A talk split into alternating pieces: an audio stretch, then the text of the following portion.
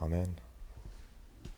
Vi har hatt dette er tre nå at vi leser den teksten som egentlig er teksten for i dag. Tolleren og fariseeren, som står i Lukas 18.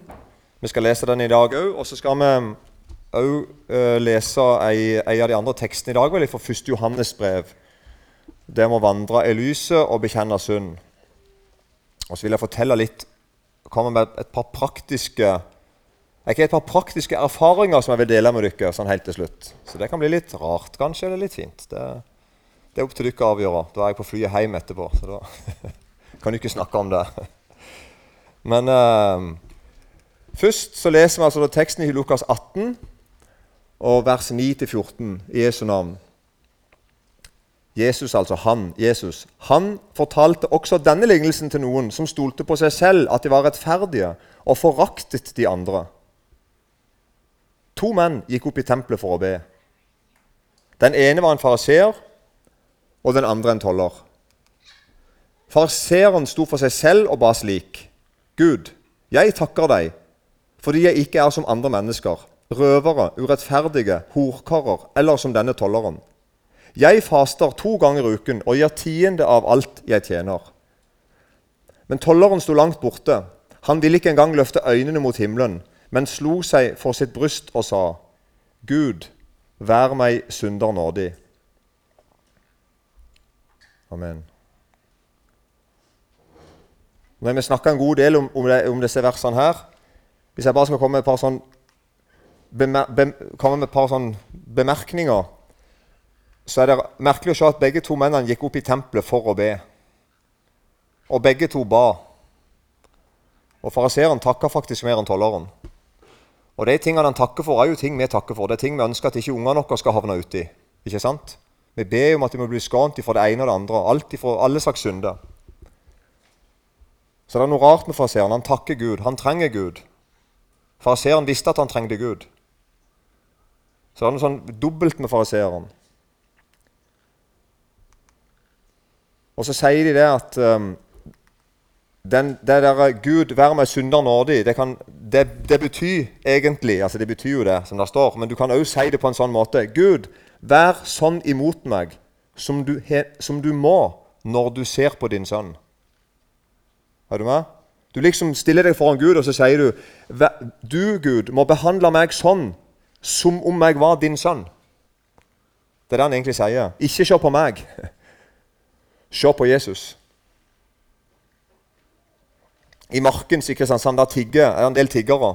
Og De fleste tiggerne sier 'for Marias skyld' eller for, for Jesus skyld eller for Guds skyld, så tenker jeg at det, nå appellerer jeg litt til noen sånn religiøse sørlendinger her. Kom an, ikke se på meg, liksom, men, men tenk på noen høyere enn meg. Maria, Jesus. Det, det er det tolleren gjør her. Han sier, 'Ikke se på meg. Ikke se på livet mitt. Se på sønnen din. Vær meg nådig.' Det var et spørsmål i går. Vi hadde, vi hadde en samling her i går med, med koret. Og så hadde vi, det, hadde vi en litt av nå i dag tidlig, for vi, ikke, vi, var ikke i nærheten av å bli ferdige i går. Og det ene spørsmålet var, nå, fritt gjengitt Kan en kristen gå fortapt? Og så svarte jeg i dag nei. En kristen kan ikke gå fortapt.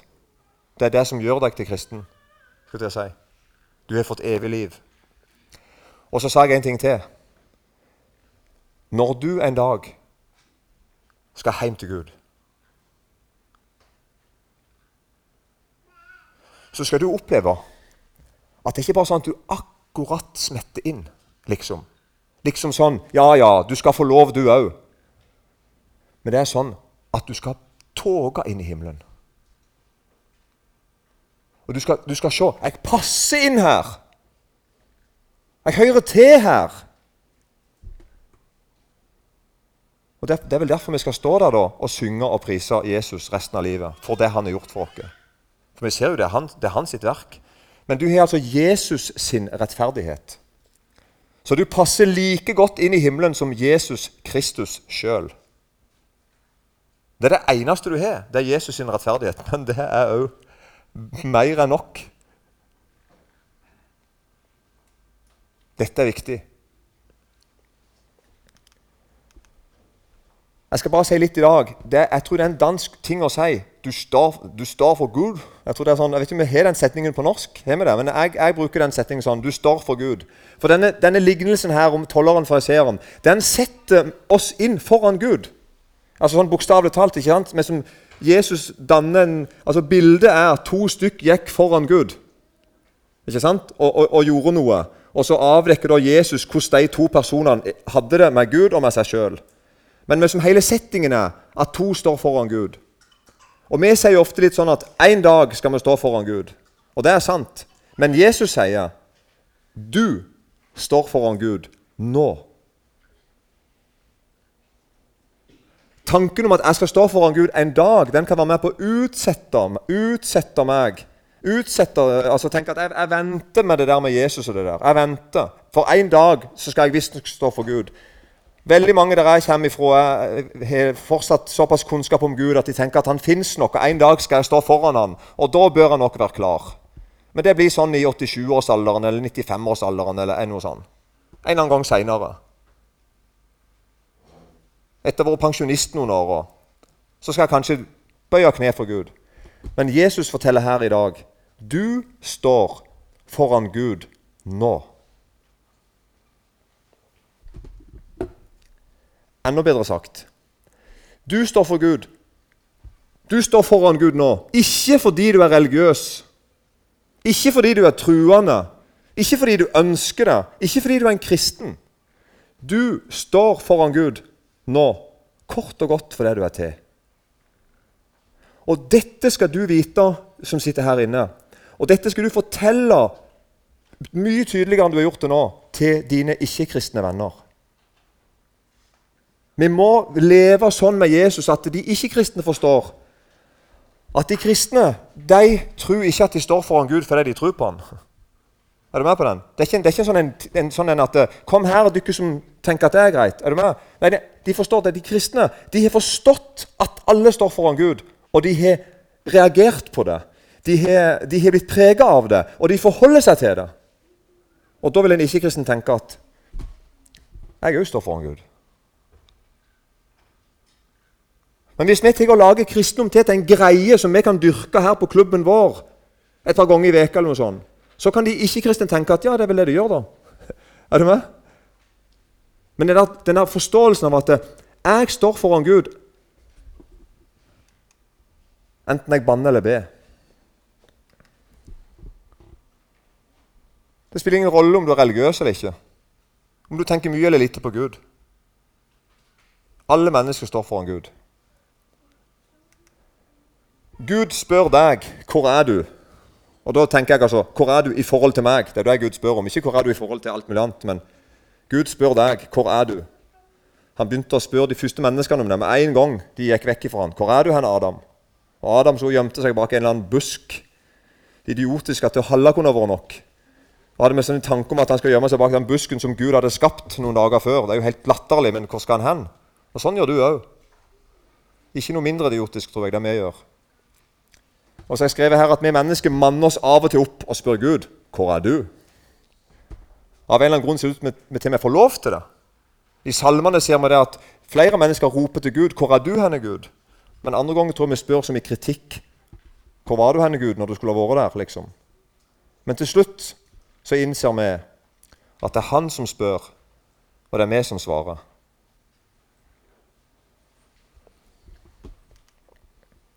Så forkynnelsen Forkynnelse gjør altså dette, kolon.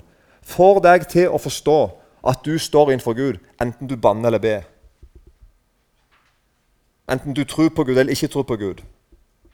Enten du bryr deg om det eller ikke bryr deg om det. Enten du, kan lite eller du kan mye. Forkynnelsen får deg til å forstå, og enda mer, forkynnelsen setter deg foran Gud. Og Da innser vi at jeg holder ikke Gud borte ved å ikke høre om Han. Jeg kan ikke tro Gud bort. Du står innenfor Gud.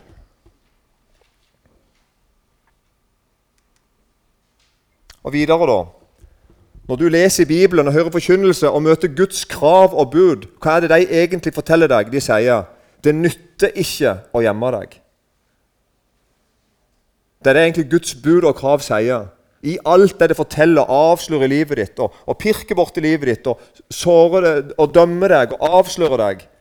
Drar deg ut av mørket og inn i lyset. Alt det du leser der av bud og krav i Bibelen, det roper bare til deg. Det nytter ikke å gjemme deg.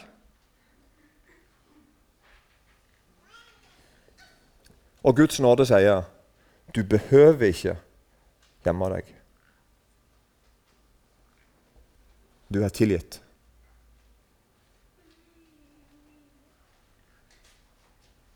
Dette er redningen vår. Dette er redningen til alle naboene dine, slektningene dine, vennene dine. Det nytter ikke å gjemme deg. Du behøver ikke å gjemme deg. Søren Kirkegård sier du er for Gud. Det å si det, at du står for Gud. Du har med Gud å gjøre det er både loven og evangeliet. Det ene kan ikke forkynnes uten det andre. Er du med? Både, både Guds bud og Guds nåde. Du er for Gud. Du kan ikke unnslippe Gud. Det er loven. Og Gud har ikke sluppet deg. Det er evangeliet.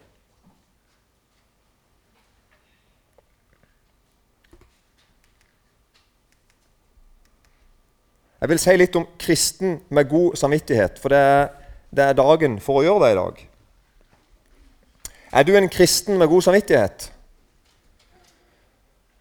Gud vil at du skal være det. Gud har sett hele historien i sving for at du skal ha en god samvittighet. Gud ønsker det. Vi har hørt litt nå om tolleren og om vår misforståelse av han. Vi hørte om fariseeren sitt hykleri, det at han utga seg for å kjenne Gud, at han utga seg for å være en kristen, og det var han ikke. Og Vi har hørt litt om at fariseeren sin rettferdighet var stor, men var ikke stor nok. Og Vi hørte litt om at tolleren hadde veldig lite å vise til. Han hadde ikke et veldig bra liv. Han hadde ikke en bra kristendom. skulle jeg si. Det var ikke noe veldig spesielt bra med tolleren. Men han hadde allikevel en større rettferdighet. Og tolleren går altså rettferdiggjort hjem. Så egentlig fariseeren hadde en stor rettferdighet. Større enn de fleste jeg kjenner. Men han var ikke stor nok. Og tolleren han fikk tak i en annen sin rettferdighet, som ble hans sin. Så han gikk rettferdiggjort hjem.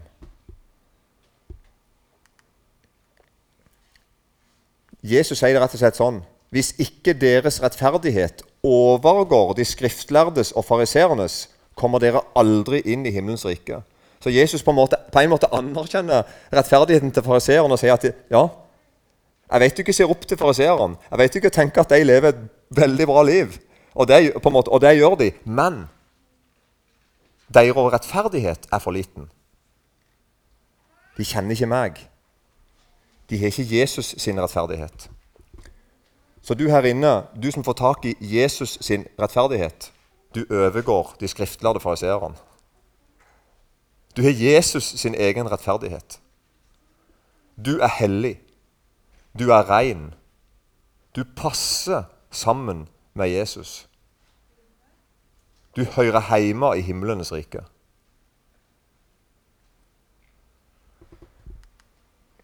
Så leser vi teksten fra 1. Johannes brev, kapittel 1 og vers 5, og så noen vers utover der.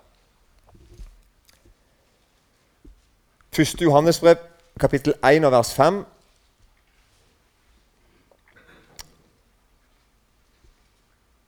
Og dette er det budskap som vi har hørt av ham og forkynner dere. Gud er lys, og det er ikke noe mørke i ham. Dersom vi sier vi har samfunn med ham, men vandrer i mørket, da lyver vi og gjør ikke sannheten. Men dersom vi vandrer i lyset, liksom han er i lyset, da har vi samfunn med hverandre. Og Jesu, hans sønns blod, renser oss fra all synd.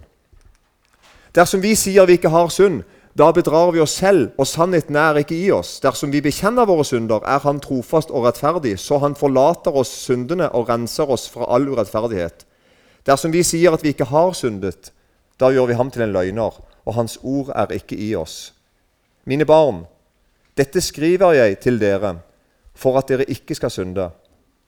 Og hvis noen synder, har vi en talsmann hos Faderen, Jesus Kristus den rettferdige. Og han er en soning for våre synder. Og, og det er ikke bare for våre, men også for hele verdens. Her er det noen ting som vi har vært inne på en, en kveld og to før. For uh, fire-fem år siden så, så, traff jeg en mann på min alder som fortalte at han, han, han, han, gjorde noe som jeg aldri hadde hørt om før. og Det hørtes nesten litt sånn Hva nå det er noe å gjøre? Og Så hørte jeg litt til på han, og så, så forsto jeg at dette er faktisk noe jeg òg vil gjøre.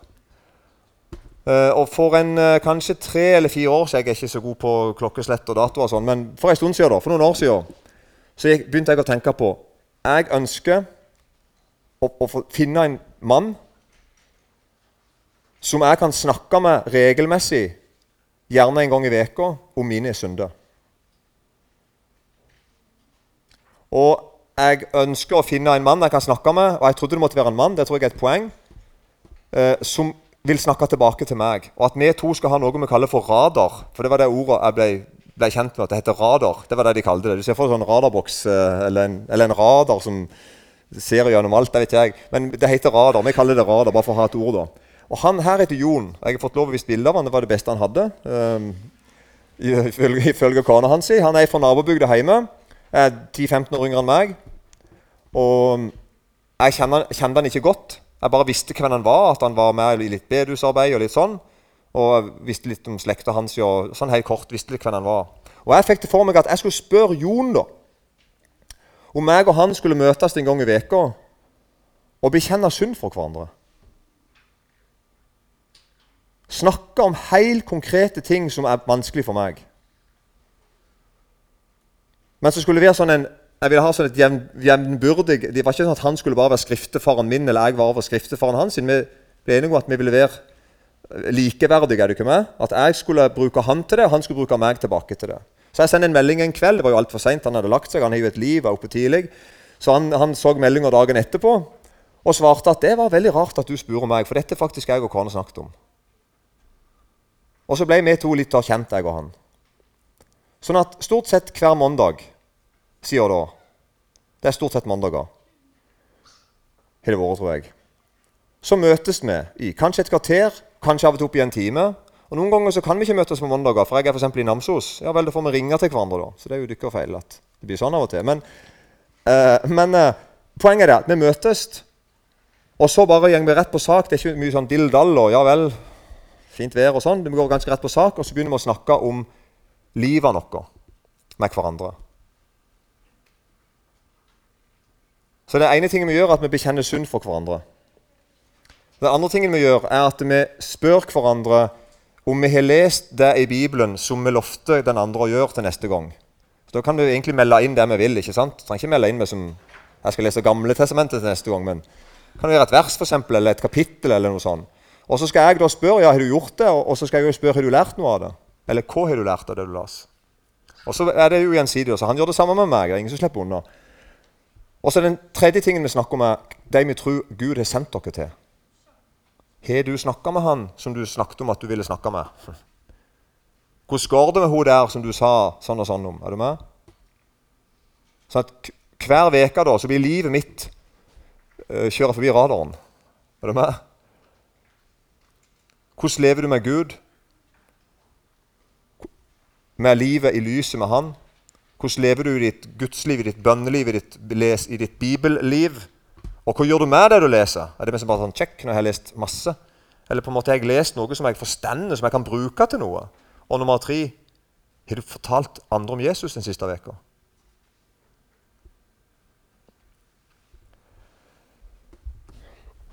Og faktisk, av alle ting som jeg har holdt på med, så er dette en, en helt spesiell ting for meg å holde på med. Og det er nesten så jeg vil si at det, det er sånn et før og et etterpå jeg begynte å gjøre dette sammen med Jon. Så hvis du sitter her inne og kjenner at dette hørtes litt interessant ut, eller noe sånt, så vil jeg veldig anbefale deg det. Jeg vet at noen finner gjerne to andre at de er tre. Det sier at Noen kan uh, virke bedre. Noen sier at de fant noen som de kjenner veldig godt. Og noen sier at de fant noen de ikke kjenner veldig godt. Eller, så jeg, jeg, jeg, tror ikke det er noe veldig fasitsvar på hvem du skal finne. Jeg tenkte jo etter hvert eller med samme at det, må være skikkelig pinlig for meg å møte Jon på bunnpris. Der kommer han som vet meg som alt om meg. ikke sant? Det som er rart, er at der møtte jeg Jon. Åh, Han er den beste broren jeg har, altså. Det er noe helt sånn merkelig med det. Og jeg tror det er gjensidig. Det, du får spørre han. Men jeg tror det er gjensidig. Og selvfølgelig så har vi lovt hverandre å ikke fortelle ting. Selvfølgelig. Vi stoler på hverandre. Det er jo en sånn en selvfølgelig gjør vi det. Og så er det jo det at det skal være likeverdig. Det er ikke sånn at den ene skal liksom være mindre åndelig enn den andre. eller den andre. Skjønner du? Det er, vi er innenfor Gud med det. Og det er jo Gud vi bekjenner synder til. Men det at en bror sitter og hører på, gjør at jeg er nødt til å snakke skikkelig. Jeg kan ikke lyge om det. Si noe sånn tulleinnrømmelse eller noe sånn jalla-innrømmelse eller sånn generelle innrømmelse som er sånn at Skjønner du? Og det som jo skjer at når jeg da etter hvert jeg begynte å bekjenne noen synder, ei synd, særlig i livet mitt, jeg hadde ikke tenkt på før Plutselig så hører jeg meg sjøl fortelle til Jon om igjen om igjen at jeg gjør sånne ting. Og Jon begynner å spørre meg hva er det egentlig du gjør. Og så får jeg med, med Jesus å gjøre. Og Ofte når vi da har bekjent synder for hverandre og snakket om bibellesing og, og snakket om de der vi er sendt til, så må vi jo si syndenes tilgivelse til hverandre. Vi må jo si at Gud tilgir synd. Og For ikke lenge siden så fant jeg det, den lille katekismen, tror jeg den heter. Den er iallfall veldig liten, så jeg tipper det er den lille. Så fant jeg et forslag fra Martin Luther himself. Han foreslår da i en synsbekjennelsessituasjon så foreslår da Luther sånn kan en samtale se ut, sier han. Sånn kan en skriftefar si, sånn kan en far si, sånn kan en mor si. Og Her er det, her er det da skriftefar, og nå, tenk, nå er jeg og han Jon er jo begge to skriftefedre. på en måte. Men, men allikevel blir jo, vi bytter rolle, da. Men så skal skriftefaren si Gud være deg nådig og styrke din tro. Amen. Og så kommer det videre. Så skal da skriftefaren spørre den som er bekjent synd videre. Tror du også at min tilgivelse er Guds tilgivelse? Og da skal den andre svare ja, kjære skriftefar. Det blir for kleint, det sier ikke vi. Vi sier bare ja. Men, men du kan være på Ser du ikke det spørsmålet der? Sånn, jeg, sier, jeg, sier, til Jon at, og Jon sier til meg at Gud tilgir deg dine synder. Nå vi snakker om helt konkrete ting, ikke noe sånn bla, bla, bla-ting. Helt konkrete ting. Måten jeg er med kona mi på, måten jeg er med ungene mine på, forholdet mitt til økonomi, forholdet mitt til underholdningsindustrien, Forholdet mitt til sannheten. Forholdet mitt til medmenneskene mine. For, ja, du ikke skjønner? Helt på helt konkret nivå. Og så sier da han, 'Gud, tilgi deg dette'. Og så spør, jeg da, så spør vi da, 'Tror du at min tilgivelse er Guds sin?' Ja. Det er jo helt vanvittig. At vi er i et sånt et fellesskap.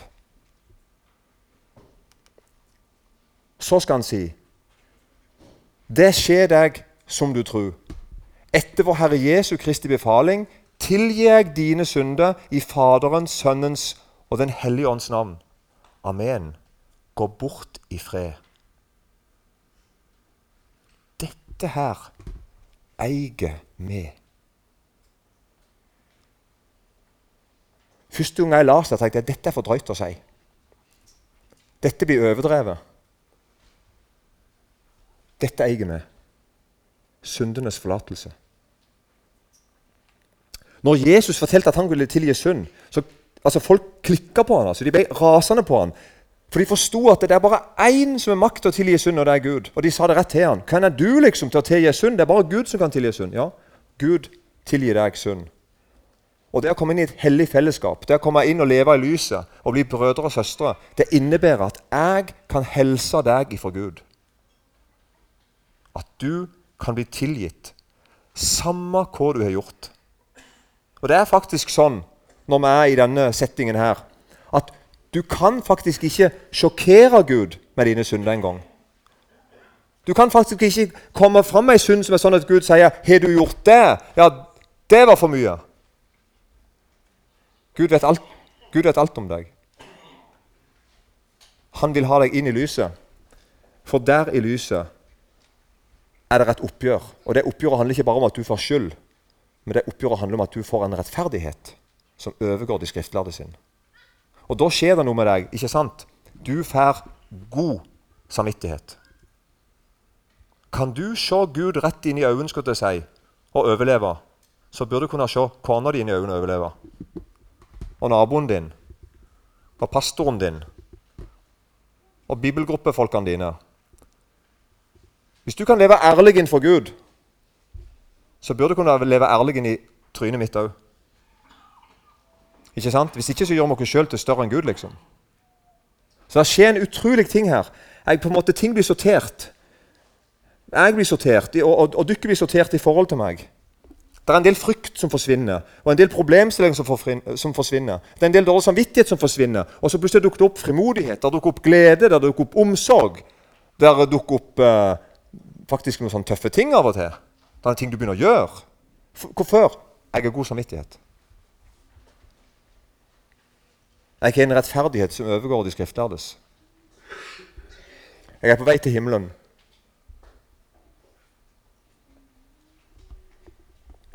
Og det er faktisk ikke sånn at helliggjørelse er at du skal nå begynne å måte, altså Helliggjørelse er at du skal bli der du allerede er. Du er allerede hellig. Det er ikke sånn Helliggjørelse er på en måte at ja, du er rettferdig, men du er ikke hellig, så nå skal du bli det òg. Nei. Helliggjørelse er å bli det som du allerede er. Du er hellig. Du er rein. Du er rettferdig. Du har evig liv. Du skal ikke få det engang. Du har det. Du skal aldri dø. Du skal aldri tape. Aldri. Og det er nå. Da får vi god samvittighet. Det er det er få settinger der jeg forstander nattverden sånn som sammen med bare Jon.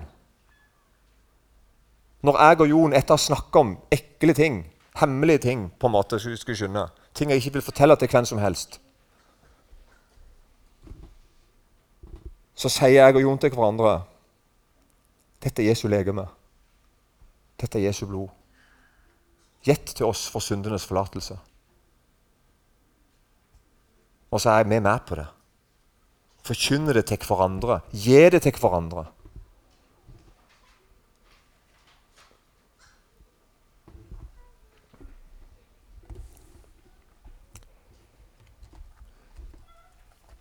Og ikke la djevelen tro at det er fromt å ha dårlig samvittighet. Ikke la djevelen narre deg til å tro at det er liksom litt sånn halvkristelig å ha en sånn en halvdårlig samvittighet. Iallfall ikke vi som tror at alt er helt skikkelig bra. Det er ei løgn ifra helvete. Du som hører Jesus til, alt er sånn som det skal være med deg. Nå.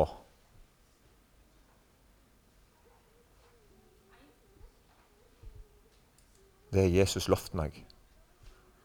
Det har Jesus lovt deg. Du skal aldri bli til skamme. Aldri.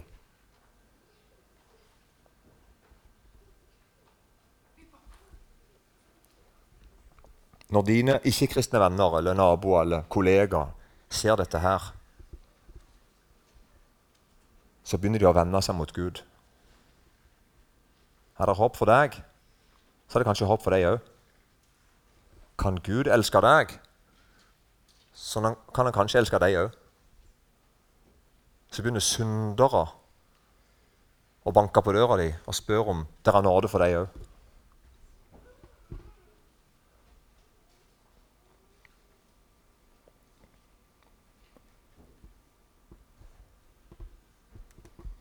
Kjære Jesus. Takk at du er vår rettferdighet. Takk at du er vår rettferdighet. Takk at vi er reine pga. ordet du har talt. Takk for syndenes forlatelse. Takk for en god samvittighet. Takk for frimodighet. Takk for mot. Takk for liv. Takk for evig liv.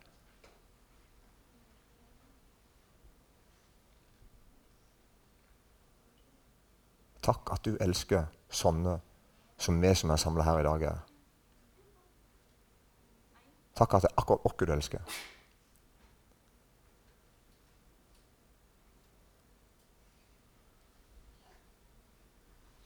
Amen.